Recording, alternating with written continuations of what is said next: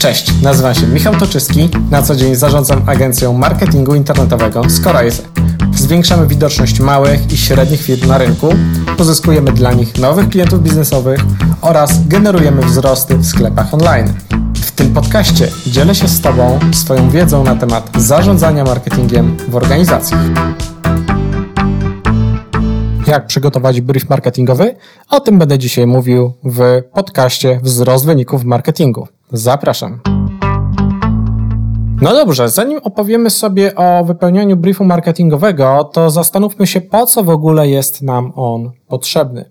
Nam, bo mówię nie tylko agencjom, ale też przede wszystkim Tobie. Zazwyczaj, zanim w ogóle stworzysz strategię marketingową, to ten brief marketingowy będzie jednym z pierwszych takich momentów takiego aha, takiego zastanowienia się, a właściwie do kogo ja chcę dotrzeć i z czym i jaką wartość mają moje usługi w porównaniu do konkurencji, jakie mają wyróżniki, dlaczego klienci je kupują i tak dalej.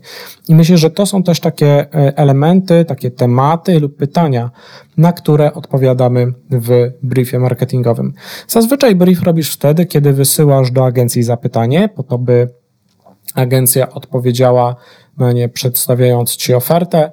My robimy też w ta, taki sposób, że rozmawiamy. Zawsze rozmawiamy, nie wysyłamy oferty praktycznie bez rozmowy, z uwagi na to, że po pierwsze rzadko pojawiają się briefy, w których nie trzeba byłoby o coś zapytać, a po drugie my rzeczywiście chcemy poznać e, potencjalnego klienta, porozmawiać o jego rzeczywistych potrzebach biznesowych, o jego rzeczywistych celach, też o takich rzeczach, które stoją za tym, co ktoś napisał w tym briefie lub e, zapytaniu. Do czego jest Ci potrzebny brief? W skrócie do tego, żeby uzyskać wyższej jakości propozycje od agencji marketingowych. Weź też pod uwagę, że od jakości briefu zależy to, na ile agencja zastanowi się nad Twoimi potrzebami, na ile celnie odpowie na Twoje potrzeby, bo może się okazać, że jeśli wyślesz zapytanie na social media, to agencja przedstawi Ci ofertę na social media, ale w sytuacji, kiedy powiesz, że potrzebujesz określonych celów, zarealizować określone cele, masz takie produkty, tym się wyróżniają, takie grupy odbiorców i tak dalej, no to wtedy agencja w zupełnie inny sposób do tego podejdzie i powie, no proszę pana, w tym medium, o którym pan napisał, akurat w tym medium społecznościowym, to nie znajdzie pan tak wielu klientów jak w innym medium społecznościowym. Albo jeśli chodzi o obszar SEO, czy Google Ads, czy może innej sieci reklamowej, pojawią się inne możliwości, które przyniosą panie kliencie ci większy efekt. Więc y, im lepiej podejdziesz do tego obszaru, tym bardziej trafne odpowiedzi dostaniesz i dlatego warto o tym porozmawiać. Poza tym brief marketingowy przydaje się też na dalszym etapie współpracy z agencją, wtedy kiedy już macie spotkanie warsztatowe, spotkanie robocze. Omawiacie sobie już jeszcze dokładniej wasz biznes, jeszcze dokładniej omawiacie e, wszystkie kwestie związane z Twoją organizacją, marką, oczekiwaniami, celami itd. Tak I na tej podstawie jesteś w stanie też spowodować, że agencja bardziej świadomie będzie realizować dla Ciebie usługi, które zamówiłeś. No dobrze, to ja pokażę Ci, jaki my mamy brief marketingowy, czyli jakie pytania my zadajemy. E, są to pytania wstępne, oczywiście. To nie jest taki pełen brief, bo taki najbardziej złożony, jaki mógłby być, bo oczywiście takie złożone briefy występują i one mogłyby um, zawierać dużo więcej pytań i ale to wymagałoby jeszcze więcej czasu e, z Twojej strony do odpowiedzenia na nie. Poza tym, myślę, że to, co jest istotne, to jest jakość odpowiadania na pytania, a nie tylko same pytania w sobie i zaraz opowiem Ci o tym, co mam na myśli i dlaczego tak uważam. Pierwsze, mamy takie pytanie, jakie działania marketingowe Cię interesują, bo bardzo często jest tak, że firma, która do nas wysyła zapytanie, przedsiębiorca czy specjalista do spraw sprzedaży lub asystent zarządu ma określone oczekiwania bo albo usłyszał od znajomego, albo wydaje mu się, że to jest dobre rozwiązanie, albo widzi, że konkurencja tak robi, lub po prostu e, szef przeszedł szkolenie kilka dni temu z obszaru na przykład SEO i teraz uważa, że SEO będzie najlepszym rozwiązaniem dla niego. I może tak być, może tak nie być, ale dobrze jest najpierw zapytać, zarekomendować mm, kliencie, jakie ty usługi uważasz, że są takie, których potrzebujesz. Jeśli nie wiesz, jakie to są usługi, to możesz też napisać, że prosisz o wybór mediów i kanałów komunikacji z potencjalnymi klientami odpowiednio pod, pod brief, pod te informacje, które przedstawiłeś lub przedstawiłaś. Co chcesz osiągnąć? Tutaj te cele mogą być bardzo różne, bo możesz chcieć osiągnąć więcej zapytań ofertowych biznesowych. Możesz chcieć, żeby więcej osób pojawiało się w Twoim salonie kosmetycznym, w Twojej przychodni czy w Twojej sieci przychodni.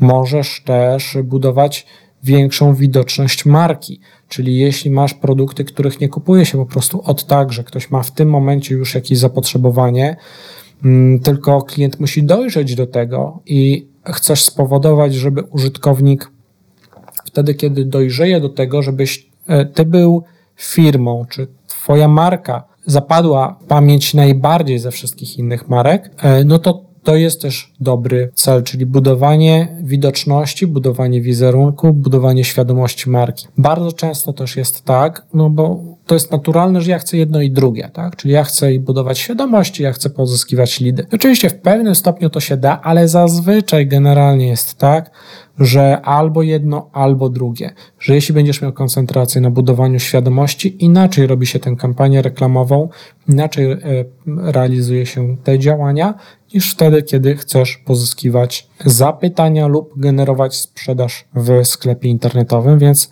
dobrze sobie odpowiedzieć, na czym Ci naprawdę zależy. I nie myśl tylko o perspektywie krótkoterminowej, bo jeśli e, chcesz w tym momencie docierać do osób, które już kupują u Ciebie, już kupują usługi, produkty na Twoim rynku, czyli do klientów świadomych, którzy wiedzą, że czegoś potrzebują, to cała Twoja konkurencja walczy o tych klientów. Jest to zaledwie mały odsetek wszystkich osób, które mogą być zainteresowane Twoimi usługami. To, to ci klienci świadomi to jest tylko właśnie jakiś ich procent. Dużo więcej osób będzie takich, które mogłyby być Twoimi klientami, ale oni jeszcze nie wiedzą, o tym, albo zastanawiali się o tym al, e, na ten temat, albo myśleli kiedyś o tym, ale już przestali, albo kiedyś mieli Twoje usługi lub kupowali Twoje produkty, ale przestali i tak dalej, i tak dalej. Albo w ogóle nigdy nie spotkali się z takimi e, z usługami, jakie Ty proponujesz i po prostu nie wiedzą, że takie możliwości na rynku są dostępne. Wśród tych klientów też możesz szukać docelowych odbiorców dla siebie i o tych klientów najczęściej mniejsza konkurencja będzie się bić, co oznacza niższe, niższe stawki za kliknięcie, łatwiejsze możliwości wypozycjonowania danego klienta, większą lojalność danego klienta i też większą konwersję sprzedaży z zapytania, bo jeśli ty dotarłeś do użytkownika, który jeszcze wcześniej nie myślał, że potrzebuje takiej usługi, no to, naj, no to jest duże prawdopodobieństwo, że ty jesteś jedyno, jedyną albo jedną z niewielu firm, które on rozważa. Natomiast jeśli ktoś szuka w tym momencie aktywnie firmy z twojej branży, to może być tak, że ta osoba otworzy sobie trzy strony konkurencyjne lub wyśle zapytania do dziesięciu stron konkurencyjnych i będzie porównywać sobie ceny, oferty, y, wizerunek, jakość rozmowy i wiele innych kwestii i na tej podstawie podejmie decyzję i wtedy ta konwersja może być mniejsza. Oczywiście weź też pod uwagę, że osoby, które w tym momencie aktywnie szukają Twojej usługi lub Twojego produktu, e, częściej będą nastawione, że rzeczywiście chcą to kupić. Natomiast osoby, które wcześniej o tym nie myślały, to one jeszcze nie wiedzą, czy chcą to kupić. Więc no tu już pytanie i to trzeba sobie przeanalizować. Natomiast podsumowując ten wywód, koncentrując się tylko na klientach, którzy już wiedzą, że potrzebują tego, co oferujesz, zawęża ci grupy docelowe bardzo mocno i nie wykorzystujesz przez to pełnego potencjału marketingowego. Więc zastanów się, co chcesz osiągnąć. No i teraz pytanie, ile chcesz tego osiągnąć, czyli jakie mierniki przyjmiesz. Czy ma być więcej wejść na stronie internetowej, na stronie internetowej? no to o ile, jeśli wejście na stronie internetowej, to co ci one dadzą? Czyli jaki będzie ten najbardziej konkretny dla ciebie cel? Czasami będzie to zwiększenie sprzedaży z wartości X do wartości Y, czasami będzie to zwiększenie świadomości rynku z jakiegoś procenta na inny procent, czasami będzie to dotarcie liczbowo do określonej grupy odbiorców. Jeśli wiesz, że w Polsce jest 10 tysięcy osób, które pracują w branży, do których chcesz dotrzeć, które stanowią Twoich docelowych klientów, no to jak dotarcie do jak największej liczby osób z nich i spowodowanie, że oni cię zapamiętają, będzie takim najbardziej mierzalnym wskaźnikiem, e, który możesz zdefiniować. No dobrze, więc tutaj nie zadawalajmy się takimi tematami, chcę więcej sprzedaży. Nie? Każdy chce więcej sprzedaży, no ale zwiększenie sprzedaży o złotówkę no nie spowoduje, że będziesz jakoś mega zadowolony z tej kampanii. E, w związku z tym a zastanów się, jakie efekty chcesz osiągnąć. I dobra agencja marketingowa potem powie ci, czy budżet i zastosowane rozwiązania e, w kontekście tego, co chcesz osiągnąć i czasu, który chcesz na to przeznaczyć, czy jest to realne. I co zrobić, żeby to urealnić. Czasami będzie to zwiększenie budżetu, czasami będzie to obniżenie oczekiwań, a czasami będzie to po prostu realne całkowicie i będzie można przyjąć to jako jakieś dalsze wytyczne, do których będziemy się odnosić. Budżet miesięczny, jaki chcesz przeznaczyć na osiągnięcie tego celu. To nie jest tak, że agencja marketingowa, jeśli się dowie, że ty masz budżet 30 tysięcy miesięcznie, to po prostu zaraz da ci ceny 10 razy większe swoich usług niż normalnie by w cudzysłowie skasowała. Um, oczywiście możesz się nad tym zastanowić, zawsze da się znaleźć coś taniej, zawsze jesteś w stanie znaleźć usługę taniej. Natomiast jakby ukrywanie e, z Twojego budżetu spowoduje tylko to, że agencja albo się przestrzeli zaproponuje ci zbyt wysoki budżet i przez to ją skreślisz, a może byłaby z tego bardzo fajna współpraca, albo agencja zaproponuje ci reklamę na poziomie 3000 zł, a ty myślałeś o 10 tysięcy, w związku z tym uznasz, że no czemu taki w ogóle mały temat, co oni myślą, że, yy, że co ja chcę zrobić, tak, że no, to, to, nie ma być mała kampania, ja chcę dużych efektów, nie potrzebuję takich, którzy grają z małymi, którzy e, pracują na e, niewielkich tematach. Więc dobrze jest ten budżet określić, E, żeby się albo nie przestrzelić, albo nie odrzucić agencji z powodu na przykład niespełnienia Twoich oczekiwań, nie odniesienia się do Twoich oczekiwań. I na co wpływa budżet marketingowy? W budżet marketingowy wpływa na zakres usługi. A czym jest zakres usługi? Zakres usługi może być to na przykład wysokość budżetu na reklamę. To też może być ilość godzin, która agencja Ci przeznaczy. To też może być jakość specjalistów, jakość w rozumieniu kwalifikacji, kompetencji i doświadczenie specjalistów, których ci przeznaczy. Jakość to też może być właściwie wszystko to, co powiedziałem. I teraz tak, ten budżet y, miesięczny, co spowoduje, ok, może dostaniesz o usługę odpowiednio wyższą, ale też dlatego, że weźmy, weź pod uwagę, że mając 10 tysięcy złotych na działania marketingowe miesięcznie, będziesz miał większe oczekiwania do jakości kampanii, jakości grafik, efektów i tego wszystkiego i nawet, nawet płynności kontaktu niż firma, która ma 2000 zł. A nawet jeśli oczekiwania byś miał takie same i w jednym i w drugim przypadku, no to prawdopodobnie ta firma, która ma do przeznaczenia 2000 zł, nie uzyska takich celów, e, które uzyskasz ty siłą rzeczy. W związku z tym, nawet jeśli czasami wtedy agencja powie dobrze,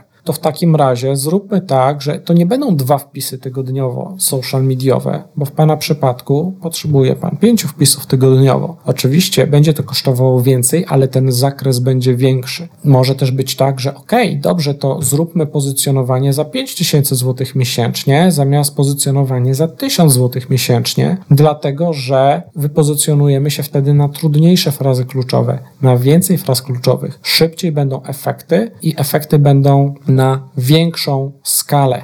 Ruch przez to wygenerowany będzie znacząco bardziej zauważalny niż gdybyś przeznaczył na to mały temat. To nie znaczy, że jeśli ty powiesz, że masz 5000 zł na pozycjonowanie, albo powiedziałbyś 1000 zł na pozycjonowanie, to jest to, że tę samą usługę za 1000 zł agencja zczarżuje cię za 5000. Raczej to się nie zdarza, a nawet gdyby tak ktoś próbował zrobić, no to ty porównując oferty, rozeznając się na rynku, jesteś w stanie zorientować się, jaki jest rzeczywisty zakres za taką kwotę, jaką masz, e, możesz przeznaczyć. Poza tym załóżmy, że wysłałeś zapytania do trzech agencji, wyselekcjonowałeś sobie trzy agencje, z którymi jesteś w kontakcie. Chcesz odpowiednio porozmawiać z tymi agencjami, przekazać im maksymalną wiedzę, taką, jaka jest im potrzebna do przygotowania adekwatnej oferty dla Twojej działalności, i dzięki temu te oferty są względem siebie porównywalne. Jeśli nie przygotujesz briefu lub nie przekażesz informacji o budżecie reklamowym, to dostaniesz w jednym przypadku ofertę na 2000, w drugim na 5000, w trzecim przypadku na 10 tysięcy. I jak to porównać? No coś można kombinować, ale de facto nie jesteś w stanie porównać tak odległych od siebie e, tematów, bo będziesz miał zupełnie inne zakresy.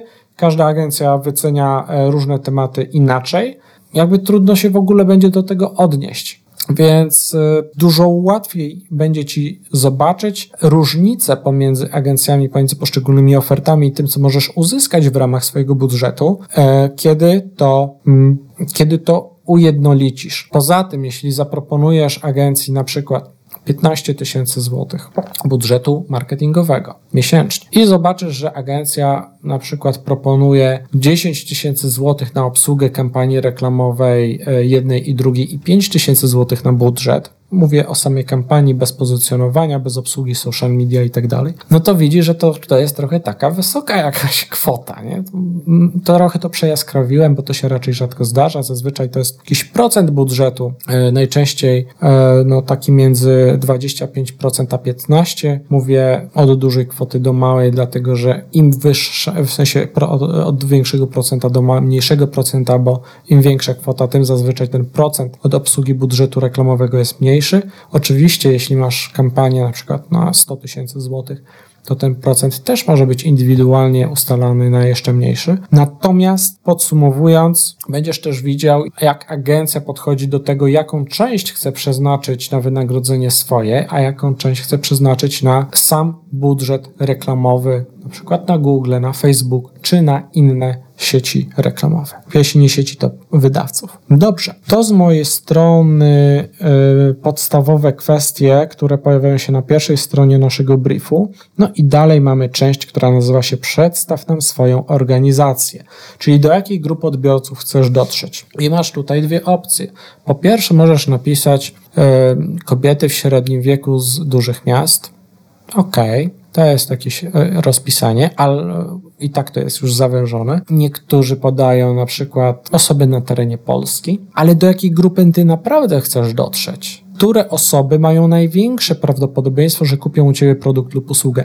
Bo to nie jest pytanie, kto może być twoim klientem, bo twoim klientem może być każdy, kto chce kupić twój produkt. Ale to, że każdy może być, nie znaczy, że na każdym z tych kliencie będziesz miał wysoką konwersję sprzedaży. Nie każdy z tych klientów będzie w stanie zostawić tej samej wielkości budżet dla ciebie, e, będzie w stanie kupić usługę za określoną, e, określoną wartość. Nie każdy będzie chciał kupić u ciebie. Niektórzy będą kierowali się ceną, na przykład z mniejszych miast albo z miast po stronie wschodniej e, Polski. Oczywiście mówię teraz pewnymi uproszczeniami, więc bez względu w jakim obszarze Polski mieszkasz, tutaj nie bierz tego do siebie, natomiast po prostu weź pod uwagę, że zależnie od tego, od regionu geograficznego, w którym jesteś, rzeczywiście wpływa to na tendencję na przykład kierowania się ceną przy podejmowaniu decyzji, ale to też wpływa na przykład na koszt kliknięcia w danej miejscowości. To też nie znaczy, że e, musi to być e, zupełnie, że nie należy na przykład kierować do mniejszych miast albo do, do miast, w których jest mniejsza wartość sprzedaży, czy użytkownik kupi mniej, mniej produktów, kupi tańszy produkt, ale jeśli ty zapłacisz mniej za marketing do tego,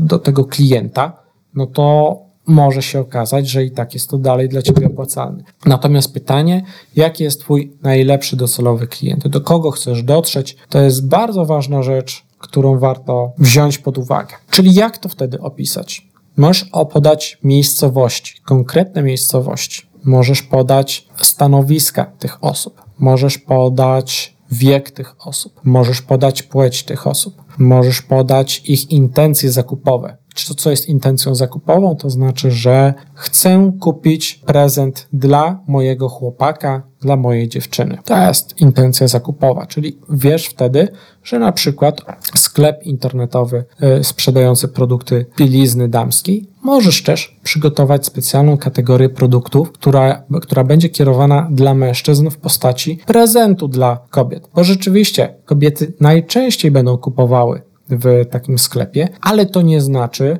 że mężczyźni nie mają tam czego szukać. Więc jakie produkty dla jakich grup docelowych to też możesz opisać. Czyli na przykład taka kategoria w moim sklepie internetowym jest kierowana dla tej grupy odbiorców, a taka dla innej grupy odbiorców. Więc jeśli masz sklep internetowy z e, militariami, to może być odbiorca zainteresowany survivalem, zainteresowany strzelectwem lub zainteresowany jeszcze innymi obszarami. Ja zupełnie nie jestem w tym temacie, dlatego mm, trudno mi gdzieś tam do tego się odnieść. Ale też może być na przykład, że w tym sklepie będziesz miał produkty wędkarskie i to też będzie zupełnie inna grupa docelowa, Czyli dość precyzyjnie opisuj, do jakiej grupy chcesz dotrzeć i teraz w jaki sposób taką grupę zidentyfikować. Rozwiązanie jest proste. Jeśli firmę posiadasz, rozwijasz, zarządzasz działem marketingu lub po prostu e, danym obszarem firmie już od dłuższego czasu, to bardzo dobrą opcją jest sprawdzenie, co działało do tej pory. Czyli otwórz sobie system księgowy, poproś księgową o wyselekcjonowanie ci listy mm, kontrahentów według wartości sprzedaży, którą zostawili w Twojej firmie, ewentualnie marży, jeśli masz taką możliwość. Wydziel sobie e, tych klientów, którzy wygenerowali 80% wartości Twojego przychodu, często będzie tak, nie zawsze, ale często będzie tak, że 80% klientów zostawia Ci 20% przychodu, a 20% klientów zostawia Ci 80% przychodu. Teraz nie ma specjalnie znaczenia, czy to będzie 80-20, 70-30, czy jeszcze jakieś inne proporcje, ale mimo wszystko często będzie tak, że będziesz miał klientów większych, takich bardziej prestiżowych i takich, do których chcesz bardziej dotrzeć, jesteś w stanie więcej zapłacić do dotarcie, za, do, za dotarcie do tych klientów i takich, którzy coś u ciebie niby kupili, niby są twoim klientem, ale właściwie jakby ich nie było, to, to, to sprzedaż w firmie o 10% może by się różniła. Tak? W związku z tym sprawdź na żywym przykładzie i teraz weź sobie, zależnie od tego, ile masz tych klientów, posegreguj sobie ich na przykład na branżę czy na jakieś charakterystyki. Jak ja to robiłem, kiedy taką analizę wykonywałem w naszej organizacji, podzieliłem tych klientów na branżę i podzieliłem na stanowiska lub na persony osób. Persony, o tym e, mówiłem podczas e, odcinka na temat strategii marketingowej, jak taką strategię przygotować i tam też możesz do tego podejść, jeśli nie wiesz czym persona jest i jak ją stworzyć. Natomiast tak przy, przyporządkowałem persony do rzeczywistych osób, i branże. I dzięki temu byłem w stanie zobaczyć, które branże się powtarzają. No bo jeśli masz jednego takiego klienta z 200 z danej branży, który zostawia ci wielkie pieniądze, super, ale on jest jeden i to wcale nie znaczy, i to jest przypadek, i to wcale nie znaczy, że kolejny klient z tej samej branży będzie tak samo dochodowy. On może być zupełnie mniej dochodowy. To może być po prostu taka sytuacja. A zobaczyłem wtedy, że niektóre firmy po, e, z poszczególnych branż powtarzają się kilkukrotnie. I zobaczyłem, że niektóre branże e, wśród tych 80% najlepiej płacących klientów pojawiają się kilkukrotnie. I wyselekcjonowałem te firmy, które pojawiają się co najmniej trzy razy. I tych firm, które pojawiają się co najmniej trzy razy, było około 10. W związku z tym określiłem jako naszą docelową grupę odbiorców. I ty możesz zrobić tak samo. Tu nie chodzi o to, żebyś tylko się zastanawiał, jakby to było w świecie takim wymyślonym, że to nie jest tak, że ty teraz masz zastanawiać się, a kto może być hipotetycznie twoim klientem, gdyby chciał i jak bardzo on pragnie twojego produktu i czym ta osoba się charakteryzuje i w ogóle, i w ogóle, bo najlepiej jest odnieść to do świata rzeczywistego. Jeśli prowadzisz firmę już kilka lat, masz tę setkę zadowolonych klientów, może więcej, Jesteś w stanie zobaczyć, którzy się powtarzają, jesteś w stanie zobaczyć, którzy klienci są dla ciebie najlepsi, z jakich miast pochodzą, bo może się okazać, że okej, okay, ty jesteś w stanie obsługiwać firmy z całej Polski, ale załóżmy, że jesteś z Krakowa i o 60% klientów masz z Krakowa, dlatego, że tam jesteś w stanie spotkać się twarzą w twarz i masz większą konwersję sprzedaży. Jeżeli ta konwersja sprzedaży jest trzy razy większa, niż gdybyś sprzedawał przez telefon, e, bo na przykład Twoja grupa docelowa w ogóle nie obsługuje wideokonferencji i przez wideokole bardzo rzadko można się z taką grupą spotkać. Kiedy dochodzisz do takich wniosków, to wybierasz te osoby i te firmy, które są dla ciebie idealnym, docelowym klientem na bazie rzeczywistej wiedzy, a nie tego, co sobie po prostu ktoś wymyślił, bo przyszło mu coś do głowy. Kiedy chcesz rozpocząć działania i jak długo mają trwać? To jest istotne pytanie, czy to jest temat długoterminowy, czy krótkoterminowy, czy to jest akcja trzymiesięczna, dlatego że e, chcesz na przykład sprawdzić e, daną agencję, chcesz sprawdzić dany obszar, czy to ma być akcja długoterminowa, albo po prostu masz wydarzenie, masz jakieś targi, jakąś konferencję, jakieś coś, e, do którego chcesz się przygotować i chcesz wypromować przed tym wydarzeniem. Tak też może być. To, co zachęcam, żeby stawiać tutaj sobie racjonalne cele, czyli te czas, racjonalne cele czasowe, czyli na przykład pozycjonowania, no nie, może, nie warto sprawdzać w kontekście trzech miesięcy. Nawet w kontekście sześciu miesięcy to jest często za mało. Tych sześć, dziewięć miesięcy to jest dobry moment, żeby żeby oczekiwać wyników, zobaczyć w ogóle, jakie są te wyniki, e, jak się pewne rzeczy zmieniły w organizacji. Przez trzy miesiące, ok, możesz sprawdzić, na przykład, jak z firmą ci się współpracuje, czy dostarcza ci e, e, działania, czy wykonuje to, na co się umówiliście czy dobrze się z Tobą komunikuje. To jesteś w stanie sprawdzić. Efekty będą wymagały więcej czasu. Social media, efekty budow w postaci budowania relacji będą wymagały więcej czasu niż 3 miesiące. Kampanię reklamową 3-4 miesiące w Google Ads jesteś w stanie uruchomić, zobaczyć jak działa. To jest jakaś opcja. E, natomiast generalnie lepiej jest myśleć o perspektywie współpracy długoterminowej i też dobrze jest w kontekście agencji raczej podpisywać umowę na czas nieoznaczony z jakimś okresem wypowiedzenia typu miesiąc, dwa, niż y, podpisywać na krótki termin. Ja tak patrzę, że podpisując umowę na czas nieoznaczony, agencja wie, że będzie współpracowała z Tobą przez dłuższy czas i musi się więcej starać, żeby po prostu Cię nie stracić. Jeśli będziesz tylko chciał tak próbkować na trzy miesiące, to może się okazać, że mm, prostu jakaś agencja nie przyłoży się wystarczająco dużo do współpracy, bo właściwie nie dajesz znać, że po tych trzech miesiącach chcesz z nimi pracować dalej. Jeśli agencja myśli, że ty chcesz wyciągnąć sobie tylko know-how, zobaczyć, jak oni to robią, a potem na przykład social media prowadzić sobie samodzielnie, no to też będzie mniejsze zaangażowanie w tę współpracę, w dowożenie efektów. Nie mówię nawet o jakiejś intencji, że ktoś, nie wiem, z umowy się nie będzie wywiązywał, czy, czy w ogóle z takich rzeczy. Nie o to chodzi. Nie chodzi o to, że ktoś będzie robił rzeczy niesolidnie, tak? Bo zakładam, że kiedy już nawiązujesz współpracę z agencją, to nawiązujesz współpracę ze solidną agencją i taką, która będzie dowoziła te ci tematy bez względu, czy umowa zostanie podpisana na 3, 6, 12 miesięcy czy 2 lata, czy czas nieoznaczony. Natomiast dużo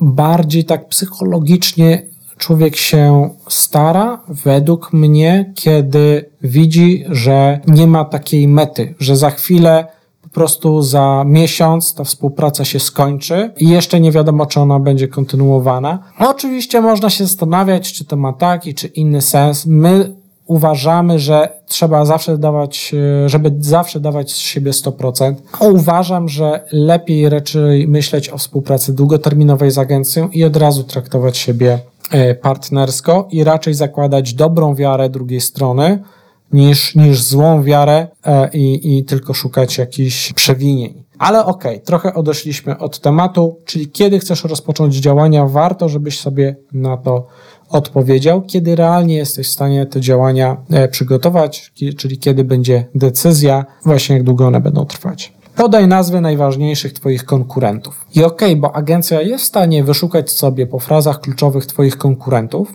i wtedy agencja znajdzie firmy, które świadczą usługi lub dostarczają produkty o tych samych nazwach jak Twoja firma. Natomiast może się okazać, że z uwagi na specyfikę Twojej branży, ci konkurenci, oni nie do końca są konkurentami, bo Ty jesteś dystrybutorem, a oni są producentem i coś tam. No, są różne kwestie. Może się okazać, że dostarczasz produkt, a tam Ci świadczą usługę wdrożenia Twojego produktu, więc to nie do końca musi być Twoja konkurencja, bo oni korzystają na przykład z Twoich produktów przy wdrożeniu. Jest bardzo wiele z tym kwestii, dlatego podaj nazwy trzech konkurentów, o których ty wiesz, że są istotni. Najlepiej, żeby to byli klienci, o, e, konkurenci, o których twoi klienci ci mówią, że, że brali ich pod uwagę, albo że ktoś przeszedł z tamtej firmy do Twojej firmy. Dobrze, żeby to byli klienci, konkurenci, konkurenci, którzy są Ci znani. Co oferuje Twoja organizacja i czym wyróżnia się na rynku? Więc jeśli oferujesz soczki, to nie pisz, że robisz soczki. Opisz, co to są za soki, w jakiej formie sprzedawane, czym się wyróżniają na rynku, dlaczego ludzie je kupują, że to jest jakiś egzotyczny, niestandardowy smak, których, których nie ma gdzie indziej. I czy te soki są właśnie sprzedawane w takich czy innych butelkach, jak one są traktowane na rynku, szczególnie jeśli masz markę z historią, to warto, żebyś podał trochę tej, tej historii, czy raczej są to produkty z wyższej półki, średniej półki, niskiej półki i tak dalej. Z czym się je kupuje, na przykład w jakich kontekstach kupuje się je docelowo. Twoim e, docelowym klientem też może być albo na załóżmy, jeśli masz te soki, to restauracja, która będzie je sprzedawać Twoim gościom, swoim gościom, albo hurtownie, które będą sprzedawały to do sklepów spożywczych, albo po prostu sklepy wielkopowierzchniowe lub y, sklepy typu convenience, y, sklepy sieciowe, delikatesy i tak dalej, y, lub też to może być klient docelowy, który po prostu chce kupić sobie sok online i chce kupić sobie zapas soku, bo może pojedynczego soku e, za 5 zł no nie będzie kupował online, ale już jakiś zapas, bo dane soki nie są specjalnie dostępne, a są jakieś nietypowe, mają swoje grono zwolenników, to o tym wszystkim warto, warto napisać. Więc co oferuje Twoja organizacja, czym wyróżnia się na rynku? No i wcześniej mówiliśmy dla kogo. Dobrze, to dalej mamy informacje kontaktowe, jakieś dodatkowe informacje. Myślę, że to są podstawowe rzeczy, które mm, powinny znaleźć, znaleźć się w briefie marketingowym. Jak wspomniałem, można to uzupełniać jeszcze o inne, ale te będą wystarczające, adekwatne do tego, żeby agencja przygotowała dla Ciebie dobrą ofertę, pogłębiła jeszcze te kwestie, które ją nurtują, na które nie znalazła odpowiedzi w briefie. Dziękuję Ci serdecznie za wysłuchanie tego podcastu. Mam nadzieję, że już wiesz, w jaki sposób przygotować brief marketingowy. Michał Toczyski z. Słyszymy się w kolejnym odcinku. Cześć.